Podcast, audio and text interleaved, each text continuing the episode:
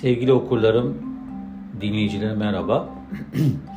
Bu hafta size e, Rusya-Ukrayna meselesinden kaynaklanarak e, Türkiye'de gördüğüm e, ciddi e, ve sesleri yüksek çıkan Batı karşıtlığıyla alakalı olarak e, bunun nedenleri üzerinde e, bir parça durmaya karar verdim.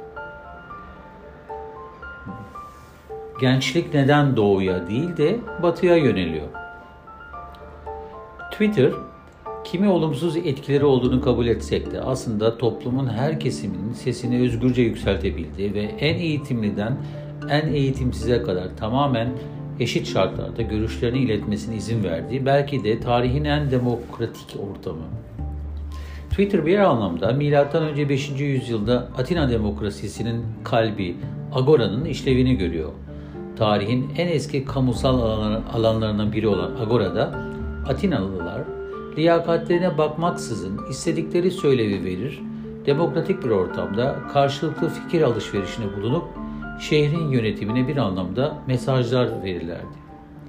Agora'da insanların demokratik ortamda birbirlerini dinlerken kavga edip etmedikleri pek kayıtlarda geçmez ama Twitter sanal bir ortam olduğundan insanların birbirlerine kolaylıkla hakaret ettiği, fikrini kabul ettirmek adına ağır sözler ve ithamlarla mesajlarını verdikleri yeni bir agora versiyonu olarak tarihe geçmiş durumda. Kimi fikirlerin azınlıkta da olsa seslerin defalarca ve yüksek sesle duyurulanların sanki toplumun genelinin aynı şekilde düşündüğünü algılatan yanıltıcı bir platform da aynı zamanda Twitter. Bunun daha da vahimi ise defalarca tekrarlanan yanlış hatta yalan bilgilerin düşüncelerin yayılması sürecinde en önemli ve etkin araç olarak kullanılıyor olması.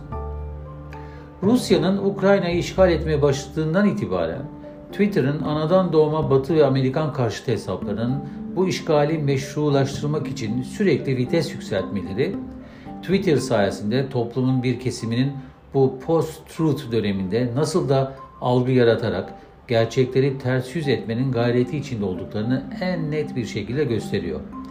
İşgale işgal denilemeyerek, üstelik yapılanı doğru ve sözde kışkırtmaların sonucu olduğunu ileri sürülerek, sanki söz konusu müdahalenin doğru olduğu algısının yaratılması, gerçekten ideolojik takıntılıların ve inandıklarına biat etmek adına görüşlerinden milim oynamayanların bulunduğu bir tiyatro sahnesine dönüştürmüş durumda Twitter'ı.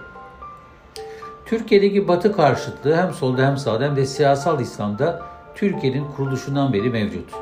Bunun anlaşılır nedenleri olmakla birlikte gösterilen alternatiflerin demokrasiyle alakası olmayan sistemlerle yönetilir olması batı karşıtlarının alternatifsizlikten yolunu şaşırdığını da gösteriyor. Atatürk'ün Batı'nın sömürgeci ve iki yüzlü olduğunu bildiği halde kendi bireyi için en onurlu ve en insanca yaşamı yarattığı ve kendi içinde öz eleştirisini yapan yegane sosyal ve siyasi kültüre sahip olduğunu gördüğü için yüzünü batıya rağmen batıya çevirdiği gerçeğini ne yapacaklar kendilerine üstelik Atatürkçü etiketi koyunlar bilinmez. Salt içselleştirilmiş batı karşıtlığından dolayı binlerce çocuk ve kadın sivilin hayatlarını kaybetmesine, tarihi şeylerin yerle bir edilmesine ve milyonlarca insanın evlerini, işlerini, okullarını ve ailelerini bırakıp yurt dışına kaçmak zorunda kalmasına neden olan topyekün bir işgal nasıl kabul edilebilir, nasıl bir takım çarpıtılmış tarihi gerçeklere dayanarak meşru gösterilir? Anlaşılır gibi değil. İnsan bir ideolojiye bu kadar mı biat eder, bu kadar mı gözleri kör olur?'' Demokrasinin toplumlar için bugüne kadar icat edilmiş en sağlıklı yönetim biçimi olduğunu sağlıklı düşünen herkes kabul eder nihayetinde. Zira orada bireyin özgürlüğüne ve geleceğine önem verilir.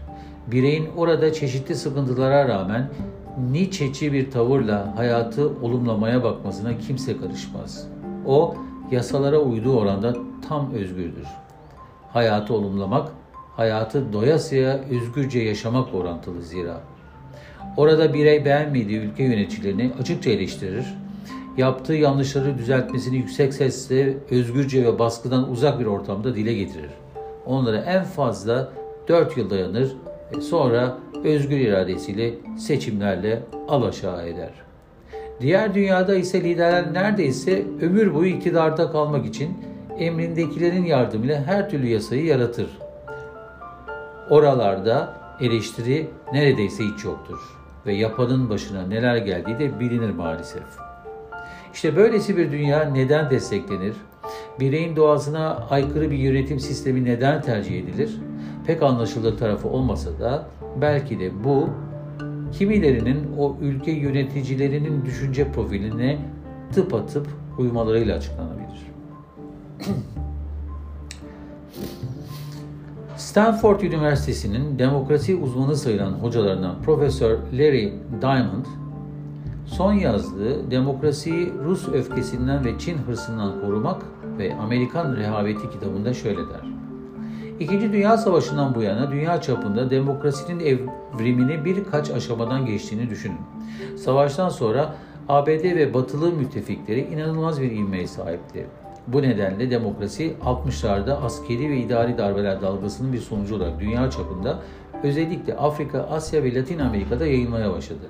Ancak 1970'lerin ortalarında Portekiz, İspanya ve Yunanistan'da diktatörlüklerin çöküşünden sonra başka bir demokrasi dalgası başladı.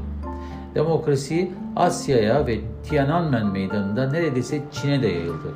Ardından 1989'da Berlin Duvarı'nın yıkılması Doğu ve Avrupa'da ve Rusya'da başka bir demokrasi dalgasını serbest bıraktı. Ama 2006'dan başlayarak Orta Doğu'da savaşlar ve 2008 mali krizi nedeniyle Amerika'nın zayıflamasıyla ve Çin'in çarpıcı ekonomik yükselişiyle demokrasi küresel bir durgunluğa girdi. Ve Çin ve Rusya şu algıyı başarıyla yaydı. Demokrasiler zayıf, ahlaki ve politik olarak çöküyor. Başarısız oldular gelecek otoriterliktedir. Evet, Larry Diamond demokrasiyi çeşitli evrelere bölüp e, popülist ve otokratik yöneticilerin demokrasi karşısında nasıl düşündüklerini böyle kısaca değinmiş oldu. Vahşi kapitalizmin e, büyümeyen pastadan zenginlerin daha çok pay almasına ve orta sınıfların ezilmeye başlamasına neden olan sonuçlarından dolayı demokrasilerde baş gösteren huzursuzluğun yerine otoriter sistemlerin alması özgürlüğe vurulacak son darbe olmalı. Batı, yanlışlarını düzeltecek dinamiklerini bir an evvel hayata geçirmediği sürece otoriterliğin dünya çapında zemin kazanacağını söylemek pek de mümkün. Türkiye'de ise Mart ayında Türkiye Raporu adlı araştırma kuruluşunun yaptığı bir çalışmaya göre önümüzdeki 10 yılda Türkiye'nin dış politikada hangi ülkeye yakın olması gerektiği sorusuna toplumun %52'si Avrupa Birliği'ni, %12'si ABD'yi, %19'u Arap ve Körfez ülkelerini, %10'u Rusya'yı ve %7'si Çin'i işaret etmiş. Bu sonuçların doğru olduğuna inanmak isterim. Zira toplumun ve siyasetin farklı bölümlerindeki azgın batı karşıtlarının topluma Atatürk'ün gösterdiği istikametin tersini göstermesinin etkileri çok fazla görünüyor. Buna rağmen suskun ve makulü hayatının olmazsa olmazı yapmış büyük yığınların bunlardan en az etkilenip insana en uygun yönetim sistemine ve bunun uygulandığı dünyalara kafalarını çevirdiğini tahmin etmek çok da zor olmasa gerek. Twitter'da bu kesim az konuşuyor ama tam konuşuyor. Sahi Anadolu'nun her tarafından gençlerin Avrupa'ya ve batıdaki okyanus ötesi diyarlara göç etmek için can attıkları gerçeğini ne yapacağız? Malum çevreler sormazlar mı? Bu gençlik neden doğuya değil de batıya yöneliyor diye